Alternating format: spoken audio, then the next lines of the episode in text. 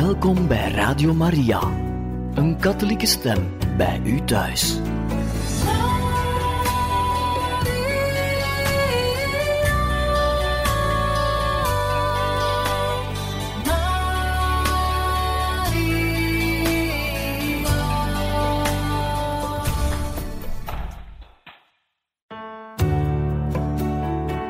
Welkom bij Radio Maria, een katholieke stem bij u thuis.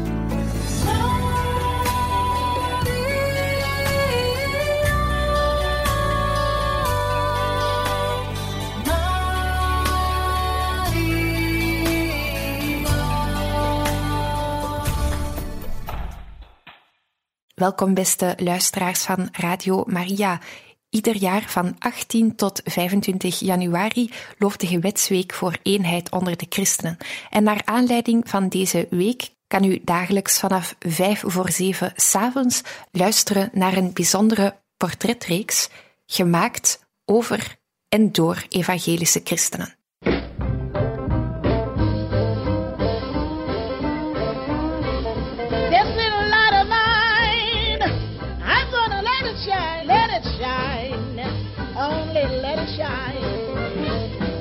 Evangelische christenen. In Vlaanderen vaak onbekend, maar wereldwijd met 600 miljoen. Ontdek bijzondere verhalen van gewone gelovigen in kerkinzicht en kennismaking.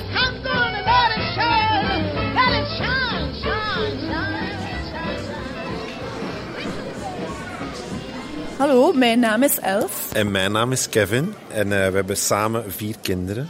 En wij zijn hier deze morgen in eh, de Evangelische Kerk, de Levende Hoop in Herentals. En eh, wij zijn hier voor de zondagsdienst die zo dadelijk gaat beginnen.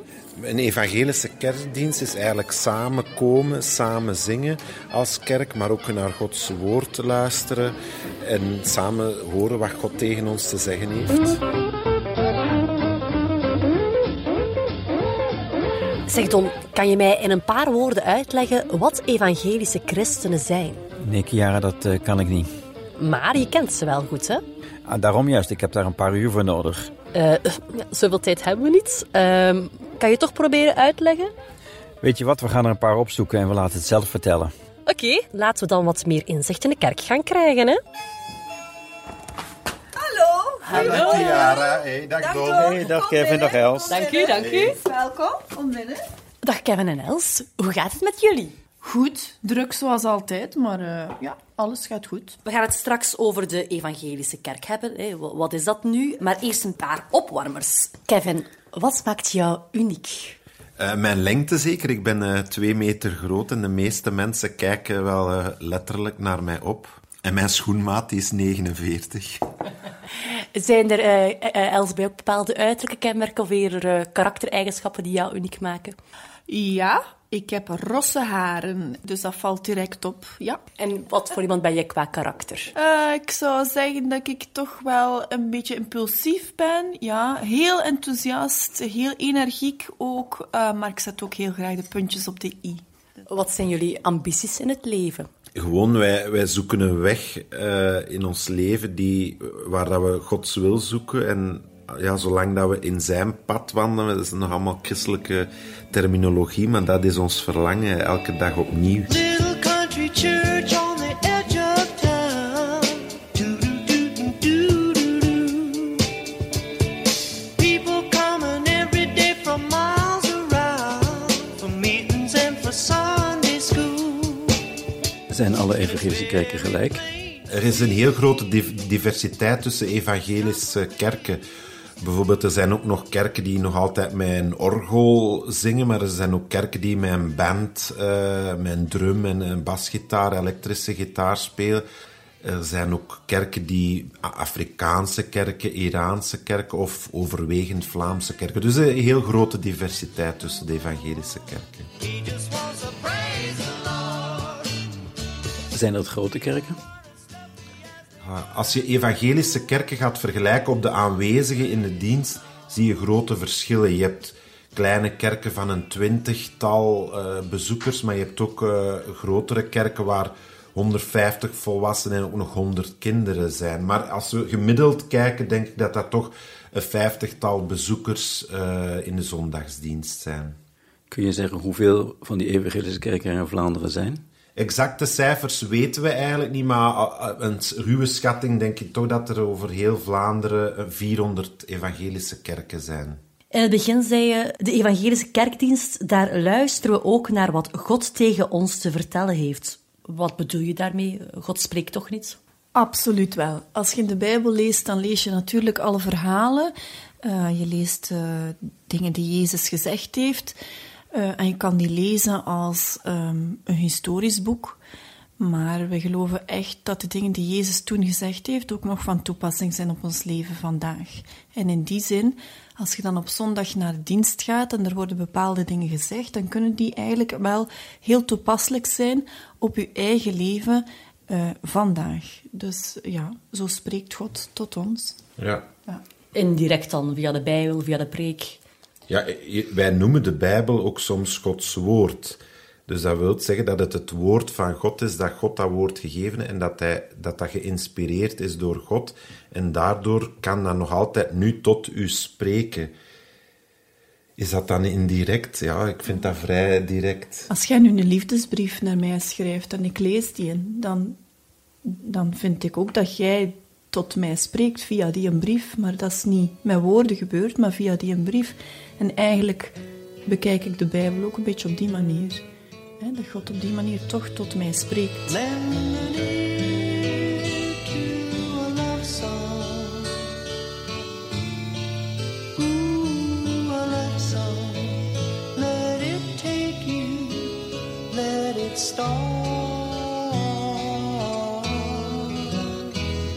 Is de Bijbel dan een liefdesbrief?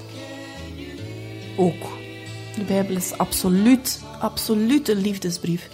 Zeker weten, God uh, die houdt ongelooflijk veel van ons en die heeft alles gepland en voorbereid. Hij kent ons en ondanks hoe dat wij zijn, houdt hij toch van ons. Dus absoluut zeker weten, maar er zit ook nog veel meer in. Er zitten ook uh, bepaalde adviezen in en uh, uh, richtlijnen hoe dat God graag zou willen dat we leven. Uh, er zitten verhalen in waar dat we dingen kunnen uit, alle lessen uit kunnen trekken en zo. Dus ja, de Bijbel is veel meer dan dat.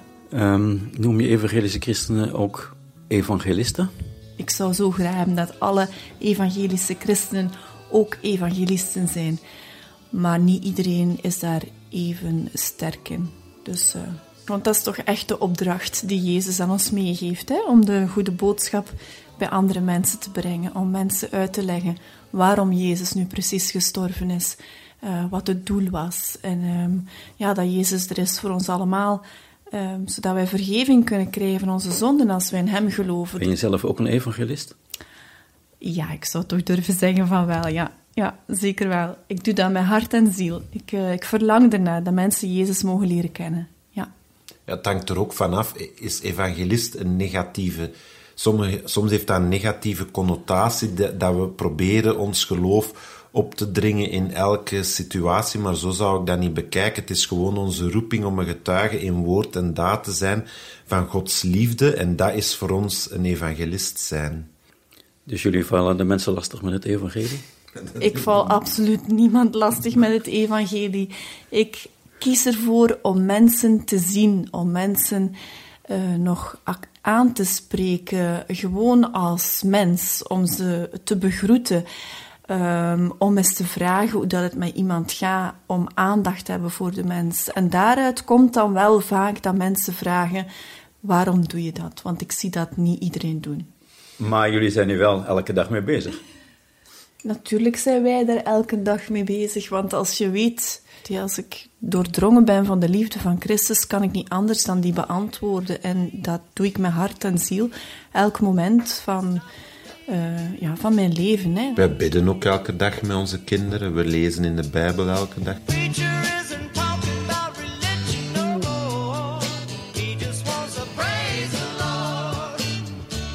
Beschouw je jezelf als een evangelisch christen? Uiteindelijk staat het woord evangelisch christen nergens in de Bijbel. Maar het, je moet, uh, het beestje moet altijd een naam hebben. En uh, ik denk dat dat, ja, dat dat zo nu onze kerk noemt een evangelische kerk. Dus ik zou mij best kunnen definiëren als evangelisch christen. Maar als ik zelf in mijn relatie met God sta, zie ik mij als een kind van God, een geliefde van God, iemand die God graag ziet. Ik denk niet dat God kijkt naar iemand, ah, dat is een evangelisch christen, dat is een uh, katholiek. Zo kijkt God niet naar de mens. God kijkt naar de mens zoals dat hij is, naar de mens. Wij hebben die plakkertjes daarop gehangen, denk ik. Evangelisch heeft waarschijnlijk te maken met het evangelie. Uh, kun je uitleggen wat het evangelie is? Ja, het evangelie is voor mij, God heeft de wereld geschapen en heeft de mens ook in de schepping gezet. En alles was goed, maar God heeft de mens ook een keuzemogelijkheid gegeven. En op dat moment, dat staat ook in, in, in het eerste boek van de Bijbel, kiest de mens ervoor om zijn eigen weg te gaan, zich af te scheiden van God. En, en dat scheidt ons echt fysiek en van God, want God is heilig, is goed, maar wij kiezen als mens om eigen zin te doen, om tegen God in te gaan, om te zondigen.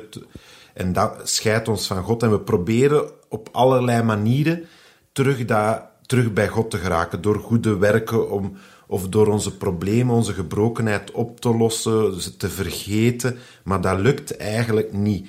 En God ziet dat ook en wil ook naar ons toe komen. En dat het evangelie, het goede nieuws, gaat erover dat hij een plan had en dat hij Jezus, zijn zoon, heeft gestuurd om terug herstel te brengen in onze gebrokenheid. En, en, en hij is aan het kruis gegaan en dat was de enige manier om dat herstel te brengen. En doordat hij aan het kruis is gegaan en opgestaan is, kunnen wij terug in relatie staan met God en kunnen wij terug bij Hem komen. Ik hoor jullie beiden zeggen: de mens tracht opnieuw tot bij God te komen. Is dat zo? Ja, er wordt vaak gezegd dat dat niet zo is. Hè. Dat mensen uh, niet meer op zoek zijn naar God, of dat de wereld God niet meer nodig heeft, of dat dat allemaal een fantasie is. Ik denk niet per se dat mensen op zoek zijn naar God, maar mensen voelen dat er ergens een leegte is, ergens een gebrokenheid. Hoeveel gebroken gezinnen zijn er, hoeveel uh, zitten mensen in problemen en ergens proberen ze die leegte op te vullen. En ik geloof, of wij geloven, dat die leegte enkel kan opgevuld worden door een relatie met God te hebben. Hm, ik kom toch heel veel mensen tegen die vragen hebben hoor. Die vragen naar de zin van het leven, die vragen naar is er een God en wie is God en hoe kan ik God leren kennen en ik zie iets bij u en wat is dat? En vertel mij daar eens meer over. Dus ja, ik zou niet zomaar durven stellen dat er geen interesse meer is. Ja. Maar vandaag de dag bestaat er toch niet meer iets als de waarheid? Ja, er is wel één waarheid, maar ik vind dat een heel gevoelige vraag ook. Hè. Voor ons is er één waarheid, ja. Ik kan, ik kan niet opleggen wat de wereld moet denken of wat andere mensen moeten denken, maar voor ons persoonlijk, als ik een keuze gemaakt heb, heb ik beleden dat er één waarheid is. En dat is Jezus en zijn goede nieuws voor ons. Wanneer zijn jullie eigenlijk beginnen geloven? Ik ben als kind altijd wel bezig geweest met God en ik ging ook uh, naar de godsdienstlessen bij ons op school. En ik deed dat ook graag. Uh, en, mijn moeder is dan ook op een zoektocht gegaan naar het geloven en is dan terechtgekomen in de evangelische kerk. Ik denk dat toen dat ik acht jaar was ongeveer. En dan ben ik als kind ook meegegaan en uh, blijven meegaan elke zondag. En ja, ik denk een echte keuze om Jezus te volgen heb ik gedaan toen dat ik 16 eh, was. En dan heb ik mij ook laten dopen. Mijn vader was gelovig en ging naar de kerk. En zo ging ik als kind eigenlijk met hem mee naar de kerk. Naar de evangelische kerk was dat dan. Uh, want ja, het trok mij aan. Uh, ik, ik zocht God en ik zocht God onder andere in de kerk.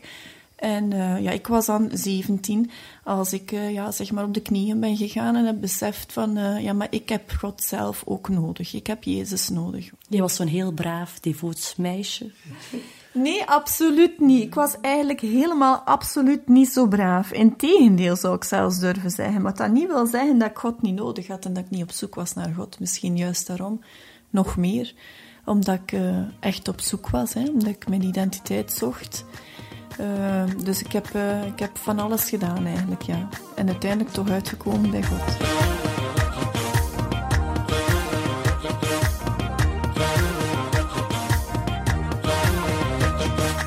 Ik zie ook dat uh, een van jullie kindjes een, een, andere kleur heeft. Ik veronderstel een geadopteerde zoon. Ik was zelf nog kind als ik in mijn hart echt gekozen heb om een kind te gaan adopteren. Dat vond ik heel belangrijk, dat een kind echt een liefhebbende eh, vader en moeder heeft en die moet opgroeien in een instelling. En ik kreeg dan verkering met Kevin, dus dat was zeker niet op de eerste date, maar toch kort daarna, dat ik dat ook echt eh, ja, op tafel heb gelegd en gezegd, kijk, dat is toch mijn verlangen.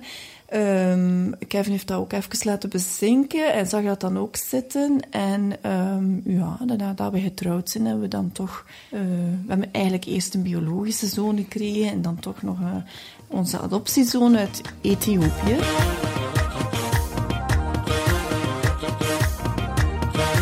Dat klinkt als iets uh, doodnormaal. Eventjes gaan adopteren. Ging dat allemaal zo gemakkelijk?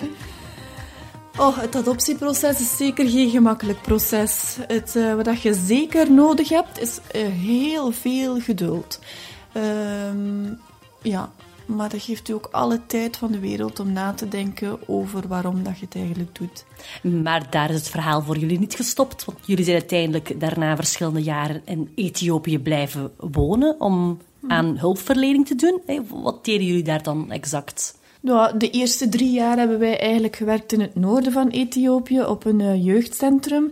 En daar waren wij, ik ben dan verpleegkundige van opleiding en Kevin eh, is psycholoog. Dus wij, hebben, wij waren daar verantwoordelijk voor de gezondheidsvoorlichting eh, van de jongeren. Die kwamen daar sporten, eh, konden daar boeken ontlenen voor school, konden daar komen studeren, maar kregen daar ook gezondheidsvoorlichting dan van ons. Dus dat was heel fijn. Ehm, en dan hebben we nog twee jaar gewerkt in een andere stad eigenlijk, waar dat we een centrum gerund hebben, waar dat kinderen met een handicap konden komen voor eh, gratis eh, fysiotherapie. Kinesitherapie, kinesitherapie eigenlijk. Hè. Dus eh, ja, dat hebben we gedaan. Maar de- daar was, in, dat, in dat centrum was het ook het doel, omdat dat, als een kind gehandicapt is daar, of een handicap heeft, wordt, wordt die eigenlijk... Ja, ze denken dat dat een straf van God is. En dan hebben ze... veel van die kinderen worden van school gehaald, worden verstopt in de huizen. En daar was ook deels ons doel dat die kinderen terug een plek in de maatschappij konden vinden. Dat, dat de ouders ook zien ja, dat hun kind ook geliefd mag worden en dat het ook mag aanvaard worden door de maatschappij. En dat was ook een deel van ons werk eigenlijk. Dan, hè. Eh, Was het een christelijke of seculiere organisatie? Dat was zeker een christelijke organisatie, absoluut. Want ehm, de reden waarom dat wij zoiets doen is eigenlijk ook weer heel eenvoudig. En dat is gewoon terug te brengen naar het, de naaste liefde. Jezus vraagt ons, heb je naaste lief gelijk uzelf. En dan konden wij daar ook gewoon eh, heel gemakkelijk handen en voeten geven.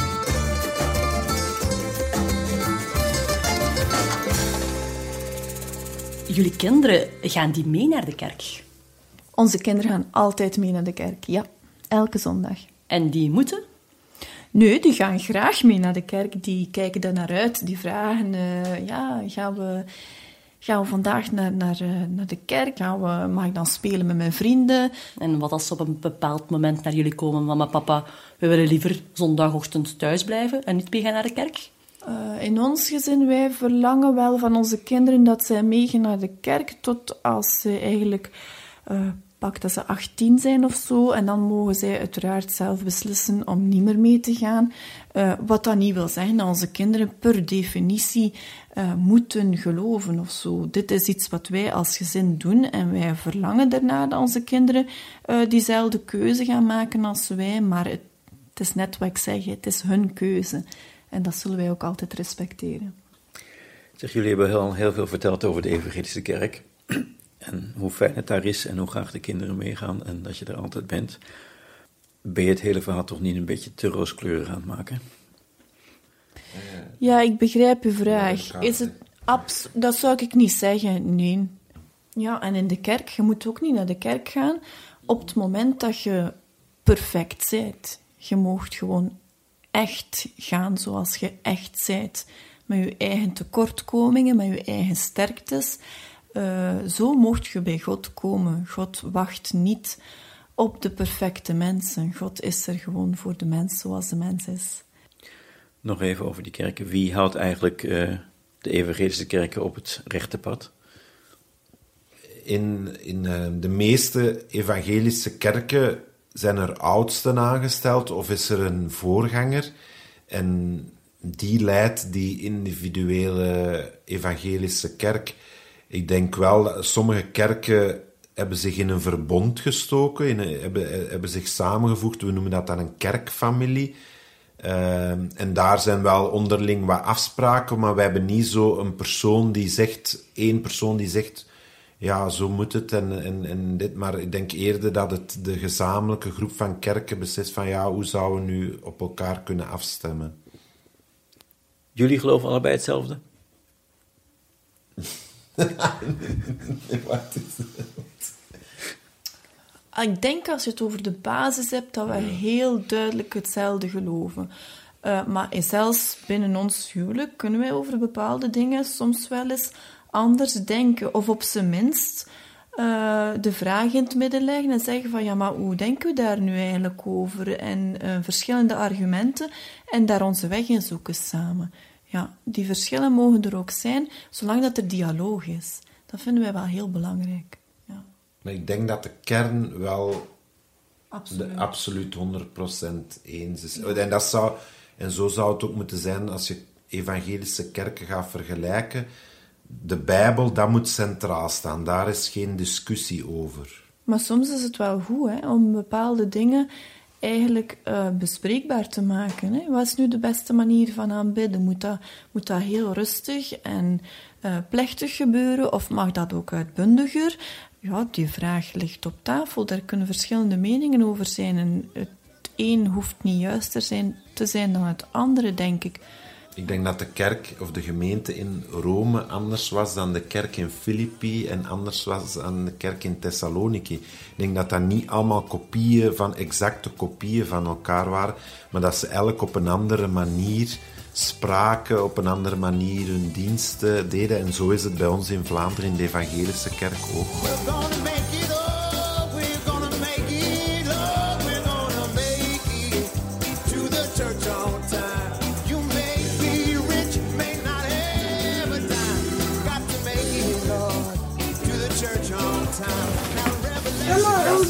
Rugzakken. Ah, rugzakken. Ja, ja rugzakken. Die Oh ja, ik had laten de deur dicht. We zijn nog niet weg. Printen gaat daar gebeuren. En vertel eens, wat moet je printen? Ja, dus eh, we hebben een verloop van de dienst gemaakt waar eh, in staat welke liederen dat we gaan zingen, wanneer dat de kinderen naar de zondagschool mogen. En dat eh, printen we een aantal keer af, zodat de muzikanten en ook de mensen van het geluid, de mensen van de projectie, we die de teksten projecteren, dat die allemaal mee zijn. Die liederen liggen van tevoren vast? Ik kies die eh, normaal woensdag, maar ik ben dan altijd te laat. Op donderdag kies ik die dan. Oké. Is dat eender welke liederen je kiest? We hebben een bundel met liederen. Zo, eh, eh, we kiezen wel bijna altijd uit die bundel, want dan kennen de mensen ook die liederen. Nu, die bundel, elk jaar komen daar nieuwe liederen uit. Want oudere mensen zijn meer gewoon aan de... kennen beter de oudere liederen, hè. Zingen jullie veel? Ja, toch, ik denk toch dat bijna 50% van de dienst, eh, van onze kerkdienst, zang is, ja. En iedereen zingt mee? Eh, eh, als je bij ons in de dienst komt, wordt er toch luid gezongen, ja. En ze hebben talent om te zingen? Sommigen wel, sommigen niet. Dan laten we het zo zeggen. Eén tegelijk. Ja, dat is een andere. Nee. Ja. Rustig, maar moet het hem goed. 1, 2. Even andere voet. Jullie zijn zich nu aan het klaarmaken om te vertrekken. Mogen wij mee? Oh ja, er is zeker nog plaats in onze auto. Ik zal de auto naar hier brengen. Ik zal eens meetrekken. Oké, ik ben klaar. We zijn zover. Als papa hier is, oma en ja gaat, boem, dat, dan moeten jullie instappen, hè? Je hebt ze allemaal. Ik heb ze allemaal, ik heb alles onder controle. ja, het is veel tegelijk. Het is een, eh, een piekmoment, maar ehm, dat lukt, hè. Wat, maar wat moet ik doen? Zitten en braaf zijn. We zijn weg.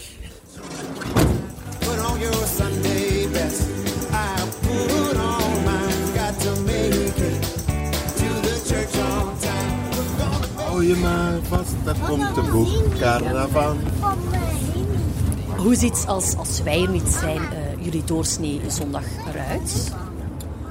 Eh, een beetje gelijk zoals het vandaag was. Hè. We hebben het heel gewoon gedaan eigenlijk. Wij staan op eh, en eh, ja, op zondag kijken we s geen tv, maar dan doen de kinderen hun kleren aan en dan eh de ontbijttafel al klaar. Dan gaan we samen ontbijten. En dan eh, doen we de laatste dingetjes die nog moeten gebeuren. Als Kevin dan de dienstleiding heeft en op het laatste nippertje nog iets moet printen.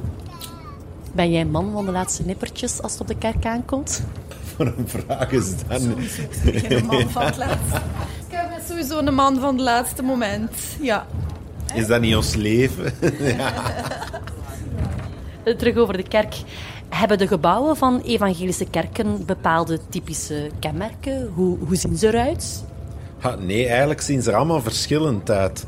Eh, sommige evangelische kerken komen samen in een, eh, in een kerk van de katholieke kerk. Sommige komen gewoon in een, in een gewoon huis samen. Anderen hebben wel een, eh, een, een, een zaal gezet, maar dat is dan ook meestal in moderne bouw. Dus eigenlijk kan je niet aan de buitenkant zien, behalve als het erop staat met letters op. Ah ja, dit is nu een evangelische kerk. Voor ons is het gebouw eigenlijk niet belangrijk of hoe dat het gebouw erin zit. We willen natuurlijk een mooie plek om samen te hebben. Maar eigenlijk zijn, vormen wij met de mensen, de groep die we samenkomen, dat is eigenlijk de kerk die samenkomt. Eh, als wij spreken over de kerk, of de, dan spreken we over de mensen en minder over het gebouw. Welke onderdelen zijn er in een evangelische dienst? Is er een bepaalde liturgie? Wij, komen, eh, wij beginnen, denk ik, eh, met eh, samen zingen. Dat is gewoon een moment waar dat we eigenlijk samen met elkaar God prijzen, God verheerlijken. Ehm, een stukje ook gewoon ehm, onze gedachten, ehm, die misschien nog met andere dingen bezig zijn, eh, echt dat we bij komen, dat we, ja, dat we klaar zijn, zeg maar, om dan eh, naar het vervolg te gaan. Hè. En er komt altijd een preek in eh, onze dienst. Hè. Dat is een stukje uit de Bijbel lezen en kijken naar welke boodschap, eh, luisteren naar de boodschap die daarover verteld wordt. Eh, vaak is er ook avondmaal. Ja, met avondmaal, dat is, eh, daar bedoel ik eigenlijk de Eucharistie mee. En onze kinderen die gaan naar een eigen kinderprogramma, hè, naar hun eigen klasjes, waar dat ze een Bijbelverhaal horen, waar dat ze iets knutselen, samen spelen of eh, ja, ook samen praten over, eh, over God en over geloof. Ja, een belangrijk deel van eh, kerk zijn is ook eh, na de dienst samen koffie en koekjes drinken. Je zal dat in de meeste evangelische kerken zal dat wel gebeuren. En fruitsop of frisdrank voor de kinderen. Dat samen zijn is zo belangrijk omdat je dan ook samen kunt napraten, eventueel over de dienst, wat je geleerd hebt of wat, er verteld is. Maar ook gewoon vragen aan de mensen, ja, hoe gaat het met je? Wat, wat gebeurt er in jouw leven? En dan, dan kan je misschien ook bidden voor elkaar eventjes op die, op die momenten. Het is gewoon... Kerk zijn is niet alleen eh, van 10 uur tot eh 11 uur 30 na- samen in de dienst zitten, maar ook het leven daar rond. En dat vindt bijvoorbeeld plaats tijdens de koffiedienst. Hoe lang duurt een evangelische kerkdienst? Ik denk dat de meeste gemiddeld dat toch een uur en een half duurt. Dat kan langer zijn, eh, maar ik denk gemiddeld toch een uur en een half, waar dat eerste half uur de kinderen meestal dan bij zijn. En dan gaan zij een uur naar hun eigen programma. En daarbinnen zijn de koffie, het koffiedrinken en de koekjes eten bij inbegrepen? Nee, dat is niet inbegrepen, dat is daarna nog. Dat is er niet bij inbegrepen. Dat kan soms ook eh, nog eens een uur en een half duren, maar sommige mensen vertrekken ook na, na een kwartier al. Dat is vrij, dat is, niet, dat is vrijblijvend. Welke rol speelt de kerk eigenlijk in jullie leven? Dat is de plek waar dat we samenkomen met andere christenen, waar dat we eh, samen voor elkaar kunnen bidden, ook samen naar elkaar kunnen luisteren, maar ook God centraal stellen. Ja, dat is de rol van de kerk in, in mijn leven. Zouden we niet de vraag anders moeten stellen? Welke rol speelt God in ons leven? En dan denk ik dat, eh, dat ik kan vertellen dat eigenlijk ons leven helemaal, als het goed is, eigenlijk tot eer van God zou moeten zijn. En dat wij ja, God in alles betrekken en dat wij eigenlijk leven met God. Ehm, dat gezegd zijnde weten we ook dat dat natuurlijk niet altijd lukt. Hè? Dat wil wel eens misgaan. Is dat jullie zondagse plicht? Ik ervaar het niet als een plicht, dus ik ervaar het niet, ah ja, check, ik ben zondag naar de kerk eh, gegaan. Ga je daar gewoon als bezoeker naartoe of moet je daar ook iets doen? Ja, wij zijn allebei wel actief in onze kerk. Eh, ik ik, ik ehm, doe soms een zangleiding, zoals vandaag. Of eh, mijn vrouw Els doet soms eens zondagschoolleiding. Ook eh, geef ik soms eens de preek, de boodschap. Eh, dus we hebben soms wel taken, maar soms gaan we gewoon als bezoeker, als deelnemer aan de dienst. Zondagschool, wat, eh, wat is dat? Is de plaats waar je goede christenen van de kindjes maakt? Zondagschool, dat is wat we bedoelen als we zeggen dat de kinderen naar hun eigen klasjes gaan. En of we daar nu goede christenen van de kinderen maken, dat weet ik niet. Hè. De kinderen moeten zelf keuzes maken. Hè. Maar dat is in ieder geval wel de plaats waar dat ze dingen horen uit de Bijbel, waarin dat we met elkaar en de kinderen onderling met elkaar in gesprek gaan over geloof. ehm, over de dingen die in de Bijbel staan. In hoeverre is dat nog relevant? Hoe kan ik, ik als kind daar eigenlijk iets mee doen? Ehm, dus ja, we dagen de kinderen wel uit om zelf na te denken. Bij mij in de zondagsklas vinden we het ook wel gewoon belangrijk dat we samen leuke dingen doen. Hè? Dus wij knutselen samen of maken een rebus of, eh, maken, of doen een quiz, maar we doen dat dan met spelletjes en zo. Dus eh, het is ook gewoon super leuk. Er wordt heel veel gelachen en gespeeld. Ehm, dat vinden we heel belangrijk. Dat moet ook kunnen. Ik stap hieruit. Hoe werkt dit? Trekken? Nee. Jij weet dat. Trekken en duwen.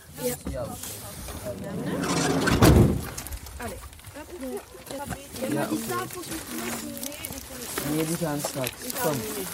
Dat is wel een hele onderneming op de vroege zondagmorgen. Altijd, hè. Er komt altijd van alles bij. Kijk, oei. Oké, we zijn veilig. Ja, dat gebeurt ook, hè.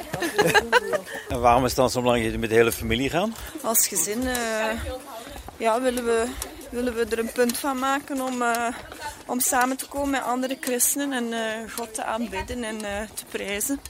En dat is dus bij deze op zondagmorgen. hè. Ja.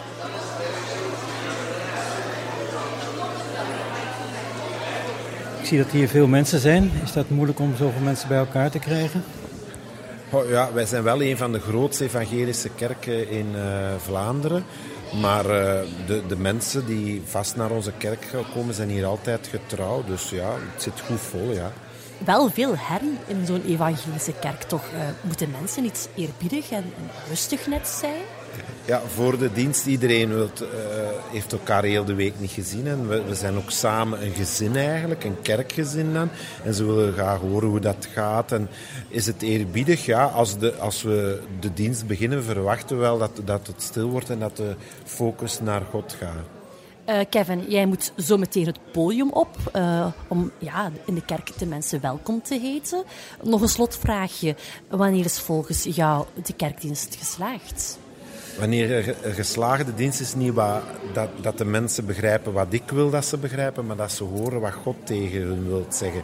Niet hoe luid dat ze zingen, maar wel hoe goed dat ze luisteren en waar dat ze de komende week iets mee kunnen doen. Of waar dat we God ook kunnen prijzen en centraal stellen. En is dat moeilijk zo van voorstaan?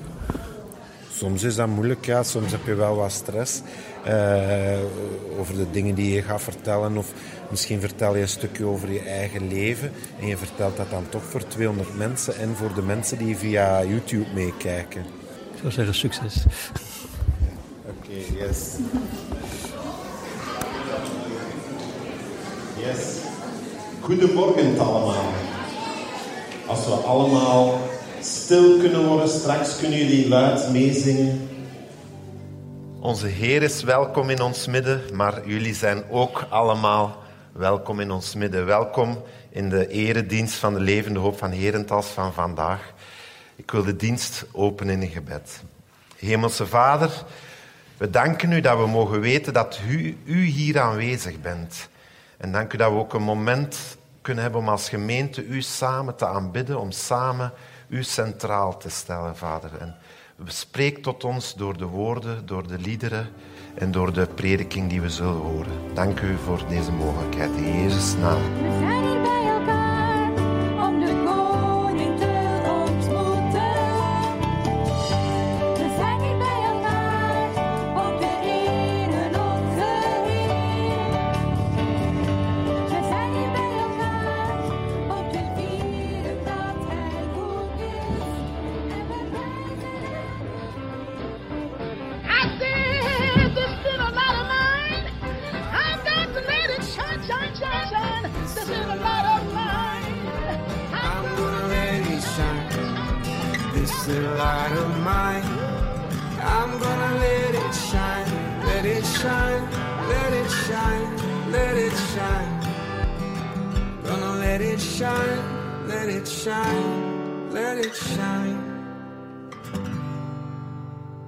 Dit was een programma van Radio Maria in samenwerking met TWR en Medianetwerk.